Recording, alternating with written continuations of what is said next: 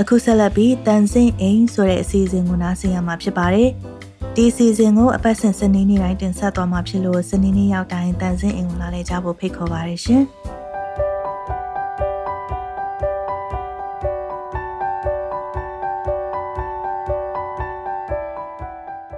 မင်္ဂလာပါချစ်တို့ရဲ့လေးလိုင်းပေါ်ကတိုင်ပင်ပေါ်ရင်ဖွင့်ပေါ်လေးတန်စင်ပါ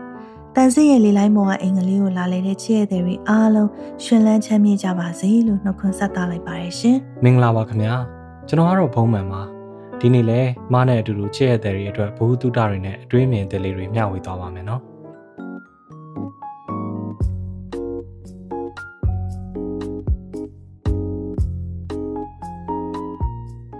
ချစ်ရဲ့တွေ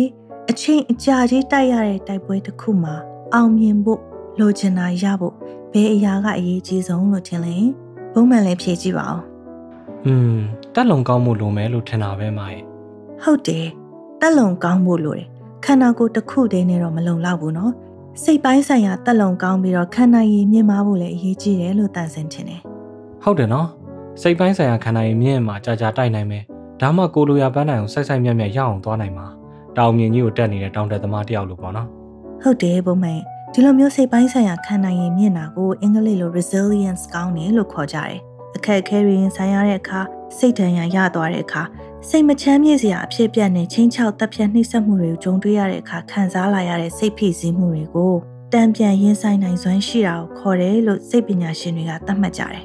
။အဲ့လိုရင်ဆိုင်နိုင်စွမ်းတွေမြင်လာအောင်လုပ်နိုင်တဲ့နည်းရှင်ကောင်းပါပဲမရဲ့။မနစ်က February လ1ရက်နေ့ကတည်းကအခုချိန်ထိကျွန်တော်တို့မှာအခက်အခဲတွေ စိတ်ဒဏ်ရာတွေစိတ်မချမ်းသာစရာတွေကြီးပဲအပြည့်အဝအဆင်ပြေတဲ့နေ့ဆိုတာလည်းတရက်မှမရှိသေးဘူးလေဟုတ်တယ်တန်စင်တို့အားလုံးအတူတူပဲဒါကြောင့်မလို့ American စိတ်ပညာအသင်းကညွှန်ထားတဲ့နည်းလေးတွေကိုပြောပြခြင်းနဲ့ဟုတ်ကျွန်တော်လည်းသေချာလိုက်မှတ်ထားမယ်နော် resilience ရင်ဆိုင်နိုင်စွမ်းဆိုတာစိတ်မာတဲ့လူတချို့မှာပဲရှိတဲ့တီးတန့်အရေးအသွေးတစ်ခုမဟုတ်ဘူးတဲ့ကိုယ့်ရဲ့အမှုအကျင့်အတွေးအခေါ်နဲ့လောက်ကင်ဆောင်ရွက်မှုတွေကိုလေ့ကျင့်ပေးမယ်ဆိုရင်ဘသူမဆိုရင်ဆိုင်နိုင်စွမ်းကောင်းလာအောင်လုပ်လို့ရတယ်တဲ့ ခန္ဓာကိုယ်မှာကြွက်သားတွေတက်လာအောင်လေ့ကျင့်ခန်းတွေလုပ်သလိုစိတ်ကိုလည်းတေချာလေ့ကျင့်ယူရင်တန်ဆွမ်းလာနိုင်တဲ့သဘောပေါ့နော်ဟုတ်တာပေါ့အဲ့ဒီလိုကျင့်နိုင်ဖို့အဓိကခန္ဓာလေးခုကိုအာယုံစိုက်ရမယ်တဲ့တစ်ရင်းနှီးဆက်နွယ်မှုနှစ်ကျမ်းမာစွာနေထိုင်ခြင်းသုံးကောင်းမွန်သောအတွေ့အခေါ်ရှိခြင်းနဲ့လေးဘဝဥတည်ချက်ရှိခြင်း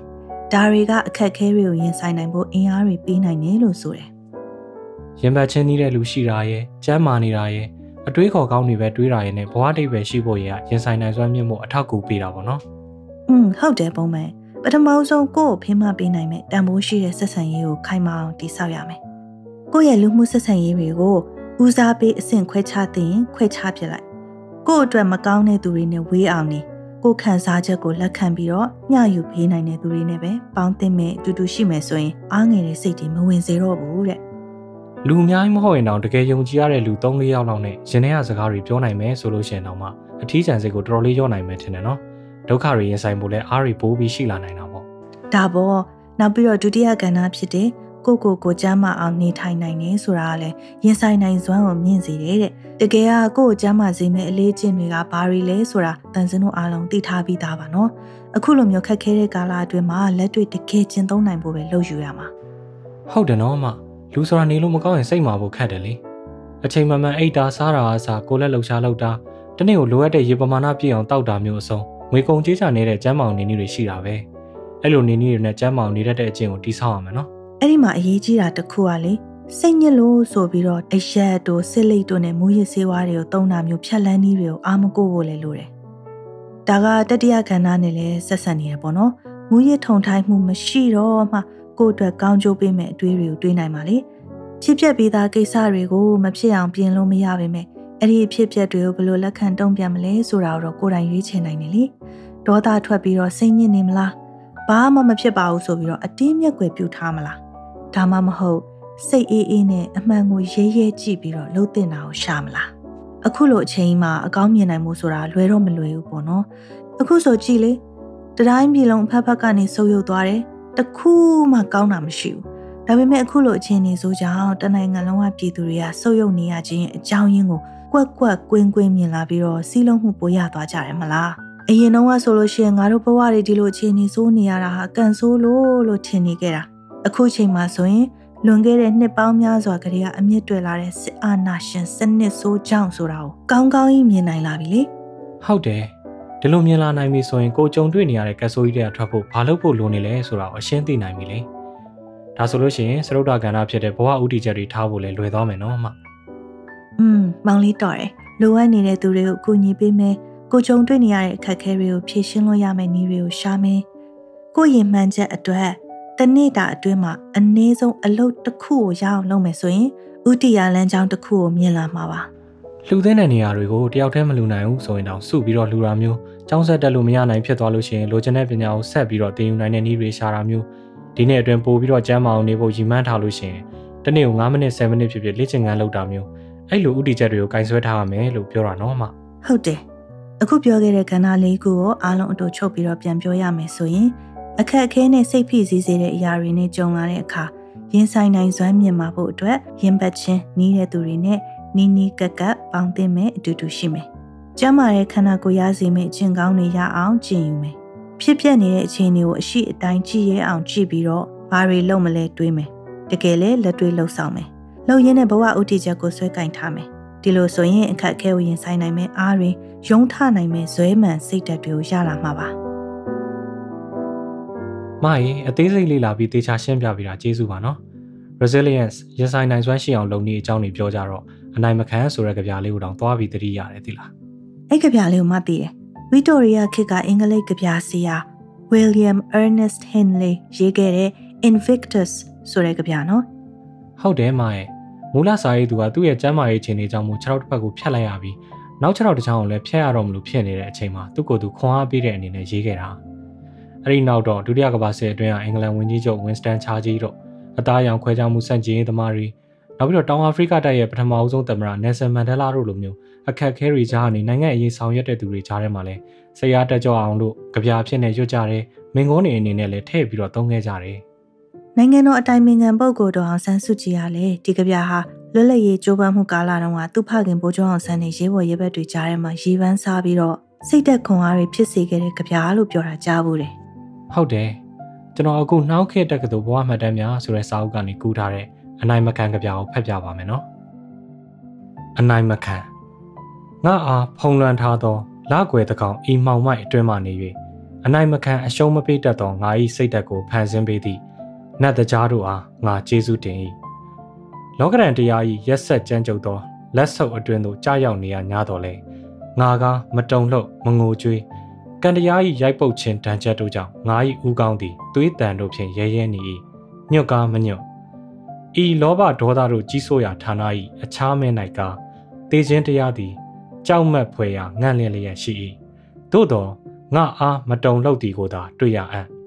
နောင်ကိုလည်းဘတော်မှမကြောက်သည်ကိုသာတွေ့ရအံ့သူဂတိတို့သွားရာတကားဝသည်မြည်မြကျင်းမြောင်းသည်ဖြစ်စေယမမင်း၏ခွေးရည်ပရပိုက်၌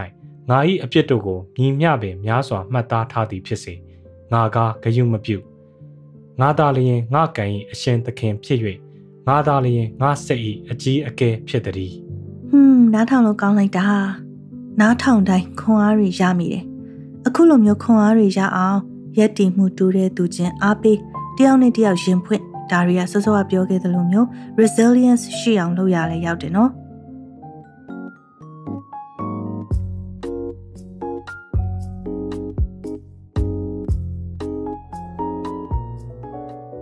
ကဲအခုဆက်ပြီးတော့ရင်ဘတ်ချင်းတူတဲ့သူတွေမျှဝေခန်းစားပေးနိုင်ဖို့တန်ဆင်းအင်ရဲ့ Facebook page Messenger ကိုပေးပို့လာတဲ့မဝင်းလေးစီရရင်ဖွင့်စာလေးကိုချဲ့တဲ့တွေကိုဖတ်ပြမယ်နော်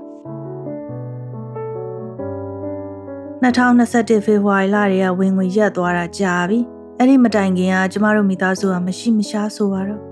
အမျိုးသားအဖျော်ဖြေရေးနဲ့ဆိုင်တဲ့လုပ်ငန်းတွေကဆိုတော့အခုလိုလူတိုင်းစိတ်ဆင်းရဲနေတဲ့ချိန်မှာအလုတ်ရှားတာဘာဆန်းလဲလीနော် ဒီအချိန်မှာချမ်းချမ်းသာသာနေနိုင်စားနိုင်တဲ့သူတွေဆိုတာအပူစားစားနေတဲ့သူတွေပဲနေမှာဆိုပြီးတော့ရှီတာလေးရောင်းလိုက်မိဘတွေပေးတဲ့မုတ်ဖိုးလေးနဲ့စားလိုက်နဲ့တောင်းခံထားတာအခုဆိုရင်အသားဟင်းတနက်လျှော့စားဖြစ်တယ်စားလို့မယုံချက်ရတာပေါ့လေအိမ်မှာလဲတိုးတွေကခလေးတွေလိုပါပဲအသားဟင်းချက်တဲ့နေ့ဆိုရင်ပျော်ကြတယ်မနေ့ကငဖဲဟင်းလေးချက်တာလေသားလေးဆိုတာစားလိုက်တာအားရပါရပဲသူ့ကြည့်ပြီးကို့မှာမျက်ရည်တောင်ဝဲမိတယ်ရှင် နိုင်ငံအနာဂတ်ကလေးတွေကိုဒီလိုဘာမဟုတ်တဲ့အသေးအမွှားလေးတွေအစာဝမ်းသာတတ်အောင်ကြင့်များပေးနေသလားနိုင်ငံတော်ကိုအုပ်ချုပ်မင်းလုပ်ချင်တဲ့သူတွေရေးလို့ထတောင်အော်ကျင်မိသွားတယ်တခြားလှုပ်ဆလို့ဖို့ကလည်းအခြေအနေကမနှက်ဖြန်မပြောနဲ့ဒီနေ့တောင်ဘလို့မှမသေးကြဘူးဈေးတွေတက်တာသာကြည့်တော့ရွှေဈေးကလည်းတာဝရိန်သာထိုးတက်နေပြီမြန်မာကျပ်ငွေဈေးကြတော့ထိုးကြတာအဝီစီကတ်တော့မယ်အရင်က9000 1000တန်ပစ္စည်းတွေက2000လောက်ဖြစ်နေပြီ ကားတက်စီဈေးကိုကြည့်လို့ရှင်အမလီဟူနာဒီနာဆိုလမ်းအမဲလျှောက်တော့တယ်အခုလေးကြည့်လေအင်တာနက်တွေပိတ်ယုံနေအားမရလို့အင်တာနက်သုံးကားတွေကိုနှစ်ဆတင်တယ်ဖုန်းသုံးကားကလည်း1000ဝယ်2000ကဖြတ်အောင်မှာဖုန်းကဝယ်ပြီးတော့အင်တာနက်သုံးချင်ရင်အခွန်က2000ဆောင်ရအောင်မေတဲ့အမလီအရင်နှစ်ကကိုဗစ်နဲ့ကြောင်းမသွားတဲ့ကလေးတွေအင်တာနက်ကျေးဇူးနဲ့နိုင်ငံတကာအကြောင်းနေစီကနေအင်္ဂလိပ်လိုသင်လို့ရနေတာရှင်းတော့မသိကြဘူးလားဟွန်းသိလို့တမင်လောက်တာလည်းဖြစ်ရင်ဖြစ်မှာပါလိ ကျောင်းသေးချာမတက်ရသေးတဲ့၄၅နှစ်တာတာကလေးတွေတော့ YouTube ကြည့်ပြီးတော့အာကာသအကြောင်းလေ့လာနိုင်တဲ့ခေတ်မှာအိုးကုံကုံပြောရရင်အင်တာနက်ရှင် app ပေါက်ထိုးနေရနေလေရင်လုတ်တဲ့နေ့အထိဘာမဆိုသင်ယူလို့ရနေတဲ့ခေတ်ကြီးမှာမြန်မာတနိုင်ငံနဲ့မျက်စိမှိတ်ပြီးတော့ဘက်ကီယာထိုးနေတာလေသူတို့သတင်းတွေထဲမှာသာ6လနဲ့မြန်မာစီးပွားရေးဥမော့လာမယ်တို့10နှစ်အတွင်းမှာအာဆီယံမှာထိတန်းရောက်မယ်တို့ကြေညာနေတာတကယ်တမ်းကျမီးတောင်မှနှက်မှန်တာမဟုတ်ဘူး အဲ့ဒီလိုအကောင့်ထဲပေါ်ဖို့လုံနိုင်၊ကင်နိုင်တဲ့စွမ်းရည်တွေမရှိတာလည်းဖြစ်ချင်းဖြစ်မယ်အဖြစ်မရှိတာပေါ့နော်ဒါမှမဟုတ်လို့ရှိရင်လည်းလှုပ်ပေးခြင်းနဲ့စေတနာမရှိတာလည်းဖြစ်ရင်ဖြစ်မှာပေါ့လေသူတို့စိတ်ကူးရင်နေတာတွေကိုနတ်ဖျားတွေကဟတ်ချလောင်းဆိုပြီးတော့လာမစားမှာပဲရမယ်ထင်ပါတယ်ကျမတို့စိတ်ကူးမရင်နိုင်တဲ့ဘဝသမားမလို့အခုလောလောဆယ်မှာလေလာမဲ့ဘေးပြေးတွေကိုပဲဆုံးဖြတ်ထားတဲ့တန်စင်ရစ် ဟဲလက်ထေးရှိတာကိုချိုးချံချွေတာသုံးပြီးတော့လောဘမောဟကင်းကင်းနဲ့ဖြေရှင်းနိုင်မှုအကောင်းဆုံးလက်တွေ့ရင်ဆိုင်ရမှာပေါ့လေမှတ်ဝင်လေခန်းစားချက်ကကျွန်တော်တို့နဲ့ထပ်တူပါပဲအာရှဖွံ့ဖြိုးရေးဘဏ်ရဲ့2022ခုနှစ်အတွက်အာရှဖွံ့ဖြိုးရေးမျှော်မှန်းချက်တွေမှာဒီနေ့အရှိတောင်အာရှနိုင်ငံတွေရဲ့စီးပွားရေးနှုတ်လက္ခဏာပြနေတာမြန်မာနိုင်ငံတနိုင်ငံပဲရှိတယ်လို့ဆိုထားကြတယ်။သူတို့ရဲ့စိတ်ကူးရင်စီးပွားရေးမျှော်မှန်းချက်တွေကဘာတိတ်ပဲမှမရှိဘူးဆိုတာကလေးတွေတောင်သိပါတယ်။ ဟုတ်တယ်တန်စင်တို့အတူတူလက်တွေ့ကြကြစဉ်းစားပြီးတော့ရင်ဆိုင်နိုင်စွမ်းအပြည့်နဲ့အနိုင်ရအောင်ကိုယ်တိုင်တိုက်ယူသွားကြမယ်နော်။မဝင်းလည်းရေရင်ဖွင့်ပေးတာနဲ့အားလုံးကိုပြပြခွင့်ပေးတာကျေးဇူးအများကြီးတင်ပါတယ်နော်။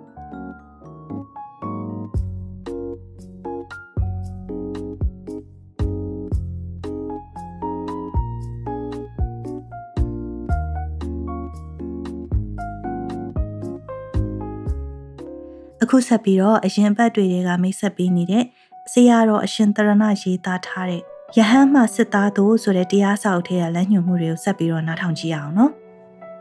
ဟုတ်ကဲ့ပါခင်ဗျာအရင်တစ်ပတ်တုန်းကတော့ယဟန်တို့ရဲ့စိန်မွေးနဲ့တူတဲ့ဂုံရည်ပဲဖြစ်ဖြစ်ယရနာဘုံကြီးနဲ့တူတဲ့စစ်သားတို့ရဲ့ဂုံရည်ပဲဖြစ်ဖြစ်ကိုကိုယ်တိုင်ထမ်းထားတဲ့တောင်းကိုမှန်ကန်ပြည့်စုံအောင်မထမ်းဆောင်လို့ရှင်ဘာတန်ဖို့မှမရှိဘူးယဟန်နဲ့စစ်သားတို့ရဲ့တာဝန်ရှိပါကိုခြေပုံအောင်ထမ်းဆောင်တဲ့လို့မိန့်ထားပါတယ် ဒီတစ်ပတ်မှာတော့တာဝန်ရှိပါတဲ့ပထမအဦးဆုံးအချက်ဖြစ်တဲ့ကောင်းမြတ်သောအယူအမြင်ရဲ့ပထမပိုင်းတစ်ပိုင်းကိုဖတ်ပြီးတော့ပြပါမယ်။အယူအဆအမှားတွေကိုပြင်ဆင်ပြီးမြတ်စွာဘုရားရဲ့တရားတော်နဲ့အညီကောင်းမြတ်တဲ့အယူရှိအောင်ဘယ်လိုလုပ်ကြမလဲအတူတူလေ့လာကြမယ်နော်။ဆရာတော်ကဒီလိုမိန့်ထားပါတယ်။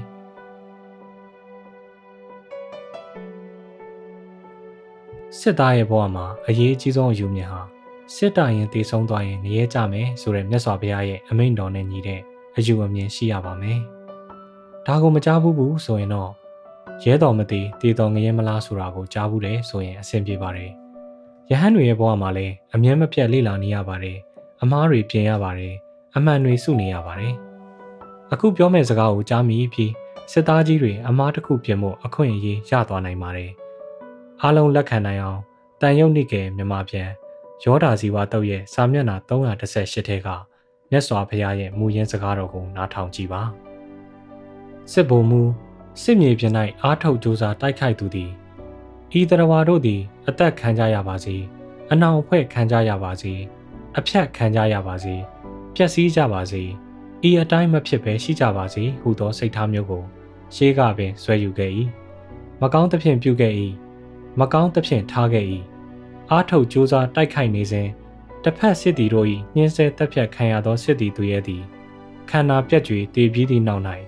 ပရစိတမြည်သောမရဲသူရောက်ရ၏စစ်မြေပြင်၌အားထုတ်ကြိုးစားတိုက်ခိုက်နေစဉ်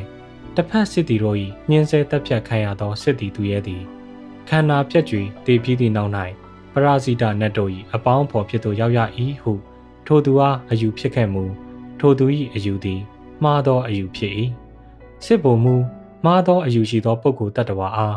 ငရဲတရိษံဟုသောလာယာဂတိနှစ်ပါးတို့တွင် တပါးပါသောလာယာဂတိကိုငါဟော၏ဟုမိန့်တော်မူ၏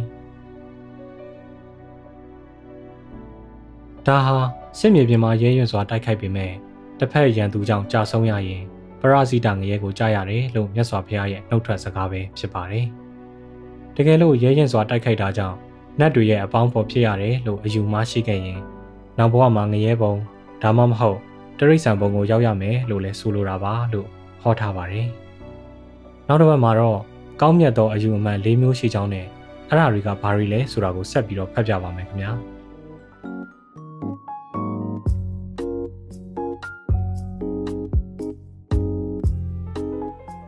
နောက်ပတ်မှာလည်းတန်စင်းအိမ်ကိုလာလေကြအောင်နော်ဒီနေ့တော့ဒီမှာပဲနှုတ်ဆက်လိုက်ကြအောင်ဖုံးမယ်ကြီးဟုတ်ကဲ့ပါမကြီးချစ်ရတဲ့တို့ကြီးဒီနေ့လဲကျွန်တော်တို့စကားဝိုင်းလေးကိုလာလည်ပေးလို့ကျေးဇူးအများကြီးတင်ပါတယ်တန်းစင်ရင်ကိုအပတ်စဉ်စနေနေ့မှာနားဆင်ရမှာဖြစ်လို့ နောက်ပတ်မှာပြန်ပြီးတော့တွေ့ကြမယ်နော်စနေနေ့ထိဆောင်ရင်နဲ့တန်စင်းတို့လွမ်းနေရတော့မှာဆိုရင်တော့လွှင့်ပြီးသားတန်စင်းစီစဉ်တွေကို Facebook Page မှာနဲ့ Apple Podcast, Google Podcast, Anchor နဲ့ Spotify တို့လို podcast application တွေမှာတွားပြီးတော့နားထောင်လို့ရပါတယ်။ဗမာဖြစ်ဖြစ်တန်စင်းအိမ်ဆိုပြီးတော့မြန်မာလိုရေးထည့်ပြီးတော့ရှာကြည့်ရင်တွေ့မှာပါ။တန်စင်းစီကိုရင်ဖွင့်ခြင်းတဲ့စကားတွေရှိရင်တော့တန်စင်းအိမ်ရဲ့ Facebook စာမျက်နှာကိုလာလည်ပြီး Messenger ကနေစာရေးလိုက်ပါနော်။ ပြန်မဆုံနိုင်သေးခင်အများကြီးမလွန်ချင်နော်။တတ